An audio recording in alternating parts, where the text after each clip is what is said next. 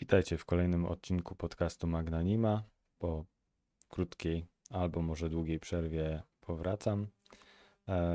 Nie to, że nic, nic w międzyczasie nie robiłem, bo przecież przygotowuję studium listu do Rzymian i czytamy sobie też Arystotelesa. No ale na podcast jakoś jeszcze osobno nie miałem czasu. Jednak wreszcie ten czas się znalazł, więc poświęcimy dzisiaj trochę czasu trochę innemu tematowi niż to, co do tej pory pojawiało się na kanale. Wracam do takiego tematu, który w pewnym sensie już poruszałem. To znaczy, pamiętacie taki odcinek pod tytułem Co chrześcijaństwo ma wspólnego z filozofią? W tamtym odcinku argumentowałem, czy przedstawiałem na podstawie mm, analogii historycznych w starożytności, pokazywałem, że chrześcijaństwo mogło być traktowane jako rodzaj filozofii. I zresztą pierwsi chrześcijanie bywało, że tak o chrześcijaństwie mówili. Szczególnie na przykład Justyn Męczennik. Mogłoby to sugerować, że chrześcijaństwo to jest jakiś taki system, prawda? Zresztą często się chrześcijaństwo w ten sposób postrzega. No mamy te różne religie, prawda? Buddyzm, hinduizm, islam, e, judaizm. No i jest chrześcijaństwo, prawda? Że są te różne systemy religijne, one mają swoje tam dogmaty czy prawdy, e, system etyczny, być może właśnie też elementy filozofii i tak się je postrzega. I można je w pewnym sensie tak postrzegać. Mm, Szczególnie jednak rozumie się religie, różne religie, a w szczególności chrześcijaństwo w ten sposób na Zachodzie. Właśnie jako system. Nawet e, czytam akurat teraz taką, taką książkę pod tytułem e, Założyciel chrześcijaństwa. Czytam ją znowu po paru latach. Wcześniej e, już ją czytałem. Jest ona autorstwa em, C.H. Doda. E, To, to był taki badacz mm, Nowego Testamentu, e, biblista e, angielski, w zasadzie nawet anglikański. E, To się pisze C.H. Dodd przez 2D na końcu. Zresztą w notatkach postaram się to dodać.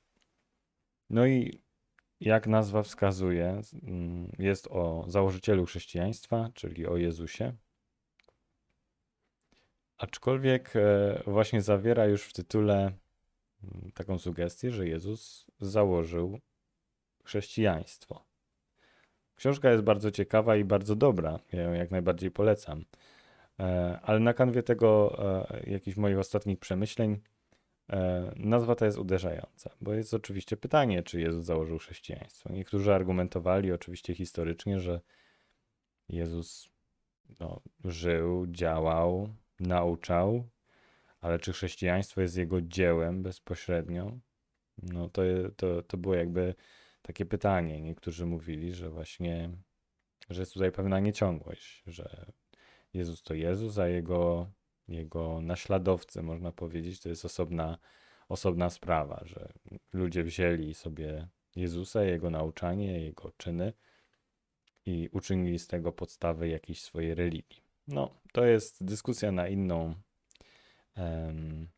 na inne spotkanie. Natomiast chciałbym się dzisiaj skupić właśnie na tym, czy Jezus założył chrześcijaństwo i czym w zasadzie jest to chrześcijaństwo. Otóż, kiedy spojrzymy de facto na Nowy Testament, na Ewangelię, na początki chrześcijaństwa, to właściwie nie widzimy tam żadnego chrześcijaństwa. To, co widzimy, to wspólnota, to Kościół. Można powiedzieć, że Jezus nie założył chrześcijaństwa. Jezus założył Kościół. Skąd to wiemy? No wiemy to, o, oczywiście Jezus nauczał, czynił różne rzeczy, czasami cuda. E, Był postacią, która się na pewno w pamięci ludzi odcisnęła, nawet jeśli nie byli wierzącymi w niego, to, to potem na długo pozostawił ślad w ich życiu. Na pewno w innych źródłach on tam po prostu gdzieś się pojawia, prawda? Natomiast nie tylko nauczał i, i czynił różne rzeczy, ale stworzył wokół siebie pełną wspólnotę, wspólnotę uczniów. Oczywiście możemy tu myśleć w pierwszej kolejności o apostołach, czyli o dwunastu, chociaż termin apostoł mógł być też trochę szerszy. No ale poza tym uczniów mamy tu na myśli. Wspólnotę uczniów wokół Jezusa. To, co, to czego Jezus nauczał, co znajdujemy w Ewangeliach, trudno nazwać jakimś takim systemem. Nie to, że w systemach jest coś złego, bo, bo to jest pewna, pewna skrajność, ale kluczowe w misji Jezusa było jedną z kluczowych rzeczy. E, było ustanowienie pewnej wspólnoty. Wspólnoty wzajemnego zrozumienia, um, może nie, nie wzajemnego, wzajemnego też, ale przede wszystkim wspólnego zrozumienia świata, e, naszego miejsca w nim, wspólnoty pewnej misji, pewnego powołania, pewnego posłannictwa, wspólnoty pewnego, no cóż, braterstwa, prawda? O tym, o tym na pewno nie można zapominać. Więc um, czy Jezus stworzył, czy Jezus założył chrześcijaństwo? No, no nie założył. Założył e, Kościół, tak? czyli pewną wspólnotę. I dlaczego to jest ważne? Jest wiele, um, wiele powodów tak naprawdę. E, są powody związane, można powiedzieć, z naszą obecną sytuacją, z teraźniejszością. Są powody historyczne. O, o dwóch w sumie e, spróbuję teraz trochę powiedzieć. Jeden powód, dla którego to jest ważne, że Jezus założył raczej Kościół, a nie chrześcijaństwo, jest taki, że Kościół, wspólnota konkretna, właśnie ma tą przewagę nad chrześcijaństwem, w cudzysłowie, chrześcijaństwem jako czymś ogólnym, właśnie ma taką przewagę, że jest konkretna. To znaczy, jeśli, jeśli szukamy wspólnoty Jezusa, to możemy ją wskazać palcem. Natomiast chrześcijaństwo zawsze jako, jako pojęcie będzie takim, taką koncepcją, taką myślą, którą każdy może mieć swoją w głowie. No i ludzie w pewnej zgodzie ze sobą mogą się łączyć w jakieś oczywiście wspólnoty, no ale to jest jakby coś e, tylko w głowie, prawda? Chrześcijaństwo jako coś w głowie. Natomiast wspólnota to jest coś bardziej konkretnego. Wspólnota ma ciągłość historyczną, ma, można powiedzieć, materialny, cielesny aspekt, prawda? Są, są konkretni ludzie, którzy tą wspólnotę tworzą.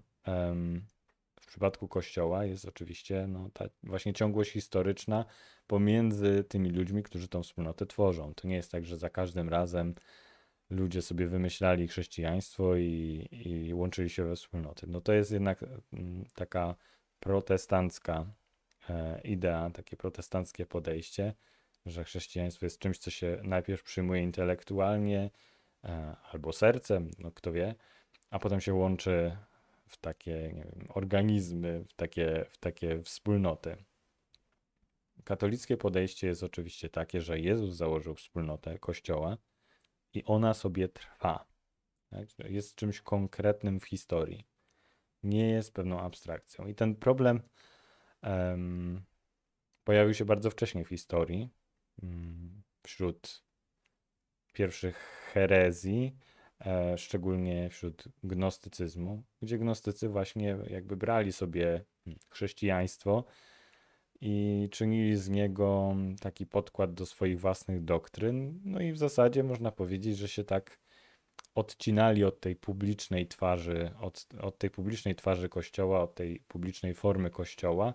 Czasami gdzieś tam siedzieli w jego zakamarkach i się tam e, trochę ukrywali, maskowali, ale zasadniczo po prostu myśleli sobie, że, że chrześcijaństwo to jest taki właśnie system objawiony duszą, przez który mogą być zbawione, i to przede wszystkim była taka właśnie ca cały system idei. Natomiast Kościół jako, jako instytucja, jako wspólnota, jako konkretne, jeśli można tak powiedzieć, historyczne ciało, zgromadzenie, było dla nich czymś gorszącym. Było dla nich czymś no, nie, nie do przyjęcia tak naprawdę. Więc można powiedzieć, że dzisiaj dalej są no, tacy gnostycy, nie obrażając nikogo, ale są ludzie, którzy po prostu patrzą na chrześcijaństwo w ten sposób, że chrześcijaństwo to jest coś prywatnego, to znaczy coś, co ja mogę mieć w głowie i myśleć o tym sobie tak, jak mi się podoba i, i dalej być chrześcijaninem, mieć się za chrześcijaninem. Nie brakuje dzisiaj takich e, ludzi, którzy no z różnych, być może poniekąd słusznych powodów są zgorszeni kościołem, takim jaki on dzisiaj jest w formie nie, instytucjonalnej, um, którzy właśnie mówią odchodzę z kościoła. A odchodzę, ale no nie przestaję być chrześcijaninem, bo jestem chrześcijaninem, bo wierzę i tak dalej. No, jakkolwiek uważam, że ludzie, którzy są zgorszeni e, prawdziwym grzechem, mm, a nie wydumanym, zasługują na współczucie i zrozumienie, no to niestety coś takiego nie przejdzie. Nie ma chrześcijaństwa bez kościoła. Nie, po prostu to jest jakaś tylko idea w głowie. Ponieważ Jezus nie założył chrześcijaństwa. Nie założył, nie był filozofem, nie był, nie wiem, nie, nie był jakimś takim teoretykiem, który sobie wy, wydumał taki system, nie wiem, jak Hegel albo nie wiem kto. Był człowiekiem, który był zakorzeniony w pewnej tradycji, i o tym też za chwilę powiem, um, który stworzył wspólnotę. Ta wspólnota istnieje nieprzerwanie w historii i dzisiaj też ma swoje istnienie. No, nazywamy tą wspólnotę w zasadzie od starożytności Kościołem katolickim. Więc Kościół katolicki po prostu jest, jest tą wspólnotą założoną przez Jezusa. No, dwa tysiące lat później, więc siłą rzeczy rozrośniętą i, i mającą dużo więcej elementów niż ten zalążek, ale jednak ciągle jest tą historyczną wspólnotą. I bez względu na to, co o tym sądzimy, czy nam się w tym kościele podoba, czy nam się nie podoba, czy chcemy uścisnąć dłoń komuś obok w ławce, czy, czy nie, no to to jest właśnie ten kościół. To jest właśnie ta wspólnota. Nie ma innego chrześcijaństwa tak naprawdę. To znaczy, w ogóle w pewnym sensie nie ma chrześcijaństwa, które by Jezus założył poza Kościołem. To jest to, jest to co ze służby Jezusa wyniknęło. Nie jakaś ideologia, tylko wspólnota. Jak mówi święty Paweł, ciało Chrystusa. Chrystus jako głowa, Kościół jako ciało. I to nie jest jakiś taki wymysł. To znaczy, to nie jest Kościół nie jest jakimś takim dziwnym pomysłem, który powstał w I wieku, ponieważ tu chciałbym poruszyć jakby drugą, drugą kwestię. Kiedy um, czytamy Biblię, a no cóż, Biblia pierwszej kolejności składa się ze Starego Testamentu i tylko czytając Stary Testament możemy zrozumieć Nowy Testament. To jest częsty błąd, którego, który no, wielu ludzi popełnia Myśli, że wystarczy czytać Nowy Testament i wszystko stanie się jasne. No, Nowy Testament w pewnym sensie jest niezrozumiały do końca. Jezus jest niezrozumiały do końca bez Starego Testamentu. To jest kontekst dla niego. I to, co widzimy w Starym Testamencie, to jest określona dynamika tego, jak Bóg um, obcuje z ludźmi. Można powiedzieć, że historia Starego Testamentu, tak naprawdę, ta właściwa historia, zaczyna się w 12 rozdziale Księgi Rodzaju, gdzie, Adam, e, gdzie Bóg powołuje Abrahama. Powołuje go no, do przymierza, do obietnic. To na początku nie jest takie jasne. Na pewno chce, żeby Abraham go czcił, ufał Bogu i za Bogiem podążał. Jest to historia, która zasługuje na, na własne znowu omówienie, do czego no, można powiedzieć, że się przymierzam, ale nie dzisiaj o tym. W każdym razie to, co wynika z powołania Abrahama, to jest najpierw założenie takiej związanej z Bogiem rodziny. Tak? Jest Abraham, jest Izaak, no potem Izaak ma Jakuba i Ezawa, no ale Jakub dziedziczy obietnicę i przymierze, potem Jakub ma dwunastu synów, no i to już jest taki powiedzmy rodzina, ród w zasadzie. Potem, jak wiemy, ta cała rodzina wstępuje do Egiptu, schodzi, schodzi, bo Egipt był niżej niż Palestyna, prawda? Albo raczej Kanaan, w tamtych czasach jeszcze się to nazywało. No i w tym, w tymże Egipcie ta rodzina rozrasta się do e, rozmiaru narodu. Ten naród wychodzi z Egiptu, zajmują ziemię obiecaną, którą nazywamy Izraelem. Potem za jakiś czas ten naród przekształca się w królestwo. To królestwo staje się królestwem międzynarodowym za Salomona, ponieważ um, Salomonowi składają hołd różne okoliczne narody, w jakiś sposób są powiązane przymierzami z Izraelem. Więc to się jakby rozrasta od tej jednej rodziny, od tej jednej osoby, od tego jednego ojca, Abrahama. Bóg sobie po prostu przygotowuje wspólnotę, która jest wspólnotą na swój sposób rodzinną. Co też warto wiedzieć, Bóg zawierając te różne przymierza z, z różnymi ludźmi po drodze, um, tak jakby im mówił, ja teraz staję się członkiem waszej rodziny. Taki, taki e, kontekst przymierze w tamtych czasach miało. E, dlatego też na przykład mówimy o, o małżeństwie, że to jest raczej przymierze, a nie umowa. Ponieważ w przymierzu osoby oddają się sobie nawzajem. W kontrakcie osoby wymieniają rzeczy. Więc ponieważ Bóg wchodzi w przymierze najpierw z Abrahamem, potem z pozostałymi e, członkami narodu, który z niego pochodzi, staje się jakby, no staje się ich Bogiem, ale w sposób taki bardzo, bardzo bliski. Więc Bóg Abrahamowi, Izraelowi nie objawia jakiegoś niebiańskiego systemu czegoś. Objawia oczywiście rzeczy, ale one wszystkie są podporządkowane jakby objawieniu Jego samego.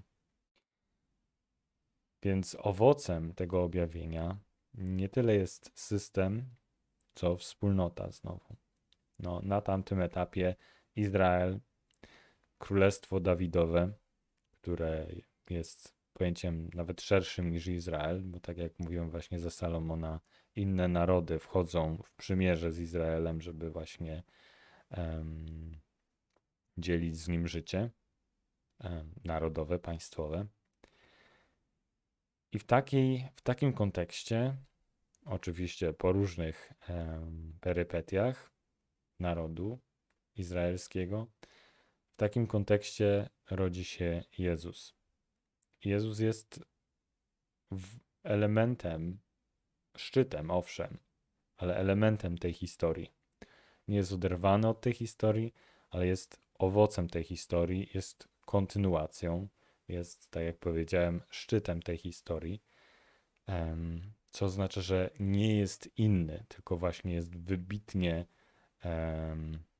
zgodny jakby z tą historią. Jego, jego działanie, jego zamysł jest, wpisuje się w tą historię.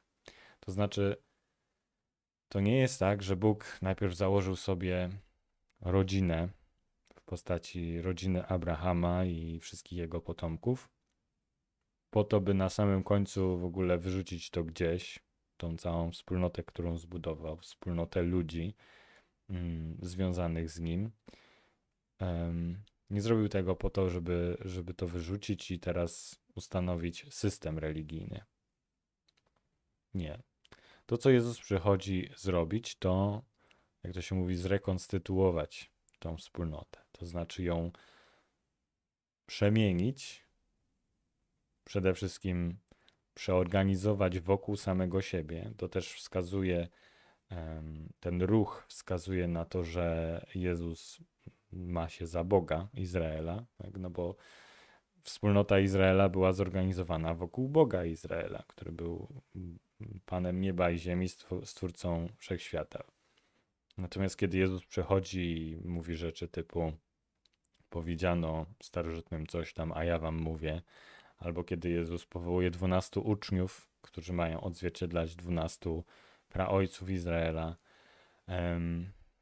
albo kiedy Jezus po prostu e, mówi, że kto go słucha, ten upraszczając będzie zbawiony, a kto go nie słucha, ten będzie potępiony, prawda? No to Jezus po prostu jakby odwołuje się do tego języka przymierza, ale wskazuje na siebie jako, jako tego, który, wokół którego to przymierze jest teraz zorganizowane i że ci wszyscy ludzie, którzy należeli do tej wspólnoty założonej przez Boga jeszcze e, w, w rodzinie Abrahama, wszyscy, którzy do tej wspólnoty należą, muszą się opowiedzieć teraz, czy w pewnym sensie chcą do niej dalej należeć, tak jak ją definiuje Jezus, który jest właśnie kontynuacją wszystkich tych obietnic, spełnieniem tych obietnic, czy też, czy też odmówią. No i to, co się dzieje w Nowym Testamencie, to właśnie nie jest założenie systemu, tylko rekonstytucja tej wspólnoty.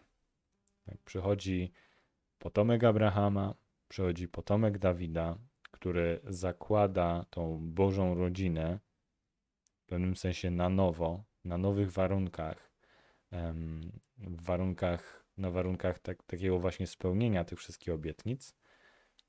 No i ta nowa wspólnota, ta nowa rodzina, to nowe królestwo, odnowione królestwo Dawidowe, odnowione królestwo Salomona, to jest właśnie Kościół.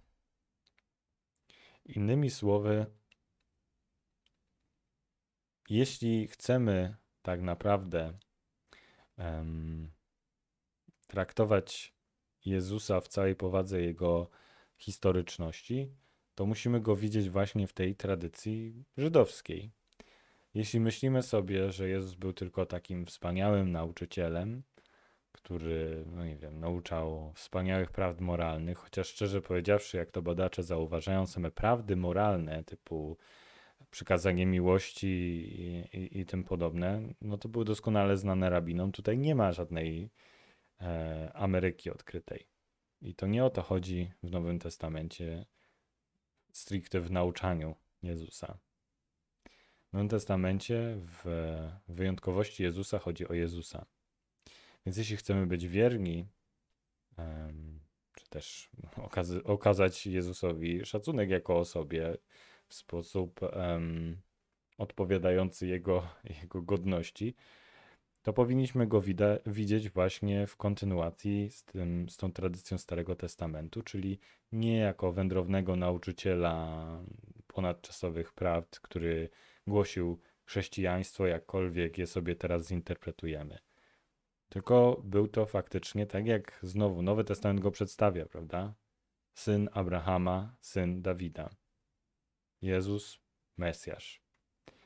Czyli ktoś zakorzeniony w tej historii, ktoś, kto dziedziczy tą całą historię rodzinną i kto kontynuuje tą rodzinę Bożą kto zakłada ją na nowo, na nowych fundamentach, ale tę samą w pewnym sensie rodzinę. I do tej rodziny teraz nie tylko mogą przynależeć um, potomkowie Abrahama według ciała, jak to się mówi, ale też wszyscy ludzie, którzy dzielą wiarę Abrahama. Ale wiara tutaj no, nie oznacza znowu systemu, chociaż są oczywiście, to nie jest tak, że, że Kościół jest e, pozbawiony wszelkich e, prawd i, i takich logicznych stwierdzeń, ale po prostu wiara Abrahama jest czymś, co wiąże z Bogiem. To, to nie jest jakby system, tylko to jest postawa względem Boga, którą zresztą okazał Abraham, i przez którą to postawę człowiek staje się częścią tego ludu, który wywodzi się z Abrahama, a został powołany do istnienia przez wzgląd na Jezusa.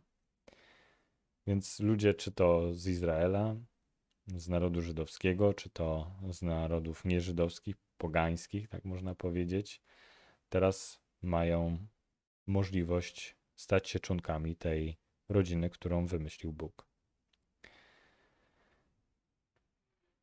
I tutaj myślę, że w podsumowaniu mam dwie uwagi. Pierwsza jest taka, że naprawdę musimy zacząć czytać Stary Testament, ponieważ mm, w świetle tego, co powiedziałem, możemy go odczytywać jako historię rodzinną. Jeśli jesteśmy chrześcijanami, jeśli jesteśmy katolikami, tak, bo należymy do, do tego właśnie, do tej wspólnoty Jezusa, tej właściwej, tej, którą założył, to możemy czytać Stary Testament jako historię rodzinną, historię naszej rodziny. To jest historia naszych przodków. To jest takie zabawne troszkę, kiedy święty Paweł pisze do Koryntian, czyli do pogan w zasadzie, tak, ludzi wywodzących się spośród pogan, czy cytuje Stary Testament i zwraca się do nich, mówiąc jakby um, nasi ojcowie byli pod obłokiem i przeszli przez morze um, pod wodzą Mojżesza. I oczywiście nic takiego się nie stało, bo przodkowie Koryntian prawdopodobnie nigdy nie byli nad Morzem Czerwonym ani o Mojżeszu nie słyszeli, prawda? Ale dla świętego Pawła jest oczywiste, że jeśli ktoś jest w kościele, to został włączony w tą całą historię, którą czytamy w Starym Testamencie. To jest historia naszej rodziny, czyli kościoła.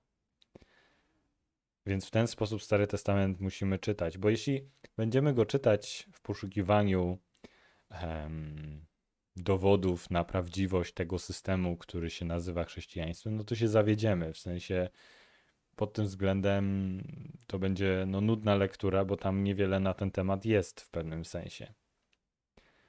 Jakby waga Starego Testamentu jest na innym poziomie. To jest historia objawienia się Boga człowiekowi ale nie człowiekowi tak w ogólności, tylko konkretnym osobom, które ze sobą były powiązane więzami rodzinnymi, więzami krwi. I żeby Stary Testament naprawdę zrozumieć, trzeba go w ten sposób czytać. Te wszystkie historie, dramaty, które ludzie tam przeżywają. Po pierwsze, one mogą być nam bardzo bliskie, a po drugie, zobaczyć, z czego wyrasta ta wspólnota Jezusa, którą założył jacy ludzie do niej należą, bo można powiedzieć, że ci wszyscy przodkowie Jezusa w Starym Testamencie to należali, należeli do Kościoła, prawda? Jeśli Kościół jest kontynuacją ich, ich rodziny. Więc nie zrozumiemy naszej, naszej własnej historii, w sensie historii Kościoła, Kościoła w ogóle bez, bez czytania Starego Testamentu. Oczywiście nie, nie zrozumiemy Jezusa. Więc do, do czytania Starego Testamentu naprawdę zachęcam. Myślę, że jeszcze jakiś odcinek temu poświęcę. Na pewno zachęcam do przeczytania Księgi Rodzaju, która zresztą jest jedną z najczęściej cytowanych ksiąg w Nowym Testamencie. Przynajmniej e, poczytajcie sobie od 12 rozdziału do końca, bo te pierwsze rozdziały, stworzenie, potop, to myślę, że jest dość znane, przynajmniej mniej więcej ludziom. Natomiast od 12 rozdziału, gdzie zaczyna się historia Abrahama i jego rodziny, no to jest e, niesamowita historia. Pełna zwrotów, głębi, mm, głębi charakterów postaci, chociaż e, literatura hebrajska jest bardzo oszczędna w pewnym sensie mm, w opisywaniu uczuć ludzi, to jednak mm, dramatyzm tej całej historii no bywa bardzo poruszający, kiedy, kiedy właśnie e, cała Księga Rodzaju kończy się tym pojednaniem braci Jakuba. To no, jest to jest to na pewno godny odpowiednik e, na przykład starożytnych dramatów greckich, czy, e, czy naprawdę najlepszej literatury, tak po prostu aczkolwiek jest to święta literatura, więc ma w tym sobie, e, ma w sobie to, to pewne Boże błogosławieństwo, to znaczy to w jakiś sposób Bóg przez tą historię do nas mówi.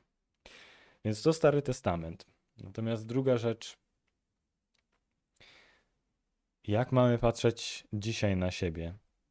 e, w kontekście historii, w której żyjemy dzisiaj, gdzie widzimy Kościół jako,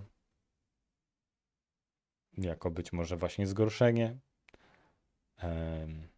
jako coś od, odrzucającego, albo coś, co nas po prostu nawet nie popycha jakoś specjalnie do wiary, e, albo coś po prostu obcego, coś do czego nie możemy się przekonać, coś, co jest dla nas dziwne.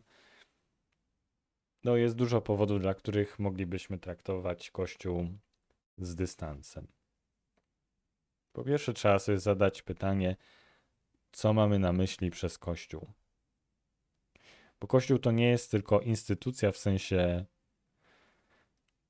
nie wiem, administracja, formy urzędowe i tak dalej.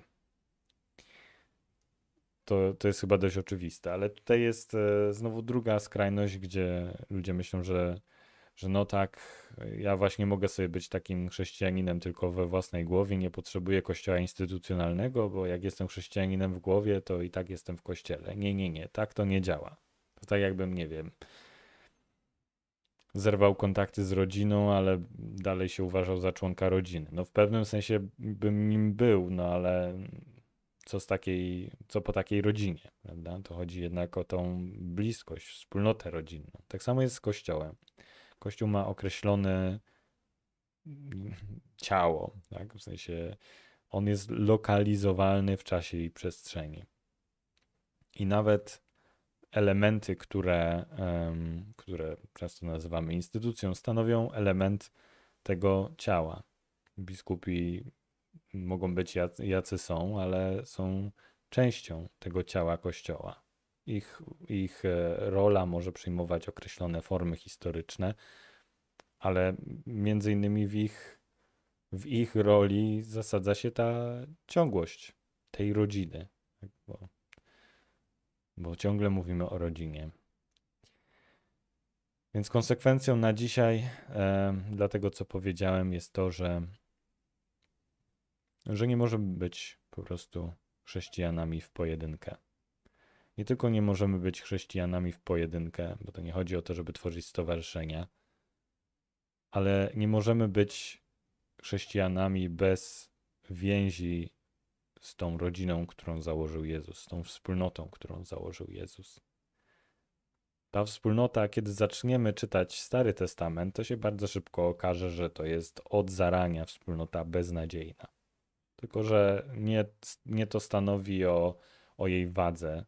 Nie to, że Abraham był świętym człowiekiem, nie to, że Jakub był wspaniałym człowiekiem, nie to, że, nie wiem, królowie Izraela byli wspaniałymi ludźmi, nie to, że apostołowie byli wspaniałymi ludźmi. To w ogóle to nie ma znaczenia. Po prostu Stary Testament jest e, o tyle właśnie wyjątkową literaturą, która przedstawia założycieli narodu, założycieli religii, jeśli tak można się wyrazić, w złym świetle. I się wcale tego nie wstydzi, ponieważ Pismo Święte, Stary i Nowy Testament, wie, że przymierze, które Bóg zawarł, opiera się na nim samym. To on jest gwarantem tego, że to wszystko ma sens i dokądś zmierza. I to w żaden sposób nie usprawiedliwia nikogo w tej Bożej rodzinie, od, e, od nie usprawiedliwia od odpowiedzialności za, za wszelkie występki, grzechy, ale jednak kiedy jesteśmy w tej rodzinie, to jesteśmy ze względu na Niego i przez wiarę w Niego i przez zaufanie Mu. Nie dlatego, że przyjęliśmy tylko pewną prawdę, ale dlatego, że zechcieliśmy się z Nim związać właśnie tym przymierzem i przez to wejść do tej rodziny. Jak to w rodzinie, też jednym ludziom, do jednych ludzi w naszej rodzinie może być nam bliżej, do innych dalej. Ale jeśli chcemy zostać w rodzinie, to musimy szukać relacji z tą rodziną. Oczywiście nasuwa się tutaj zaraz ta analogia z przypowieścią o synu marnotrawnym, o który sobie tam, prawda, odszedł i potem wrócił. To jest historia rodzinna. o, o tym przydałoby się kiedyś powiedzieć więcej znowu. E, Nie chcę stosować takich e, banalnych analogii do tej, do tej przypowieści, chociaż ona się narzuca, ale jednak nie da się być członkiem rodziny w dalekich krajach, że tak powiem, spożywając stronki rzucane świniom, które się wypasa, prawda? To jest, e, to jest właśnie historia o rodzinie. Stary Testament jest historią o rodzinie i Nowy Testament jest historią o rodzinie. Innymi słowy, o Kościele. Dlatego musimy swoje, swój stosunek do Jezusa, do chrześcijaństwa przemyśleć pod tym kątem i swój stosunek do Kościoła przemyśleć pod kątem narracji biblijnej. Bo jeśli w łatwy sposób się wymówimy od tego, jeśli będziemy postrzegać chrześcijaństwo tylko jako system, no to, to będziemy tylko samych siebie oszukiwać. Bo chrześcijaństwa jako systemu, jako, jako abstrakcyjnej ideologii, no po prostu nie ma, tak, a przynajmniej taka, taki system nie ma znaczenia, bez względu na to, co byśmy sobie myśleli. I stąd właśnie wywodzi się to twierdzenie, że poza Kościołem nie ma zbawienia. Bo po prostu życie jest tylko w tej rodzinie, którą Bóg założył. I nikt nie, nie jest e, wstrzymywany przed dołączeniem do niej. Wszyscy są zaproszeni. Wszyscy tacy, jacy są, są zaproszeni. A to oznacza, że w kościele trzeba znieść naprawdę dużo ludzi, którzy, których mm, nie chcielibyśmy znosić. Może to nie jest zachęcające, ale, ale przy wszystkich wadach Kościoła starajmy się kierować wzrok ku temu, kto go założył, już można powiedzieć, w Abrahamie. I niech to będzie naszą, naszą zachętą i umocnieniem. I nigdy nie bądźmy po prostu chrześcijanami. Bądźmy członkami Kościoła, jeśli chcemy mieć cokolwiek wspólnego z Jezusem. Dzięki Wam na dzisiaj i do usłyszenia następnym razem.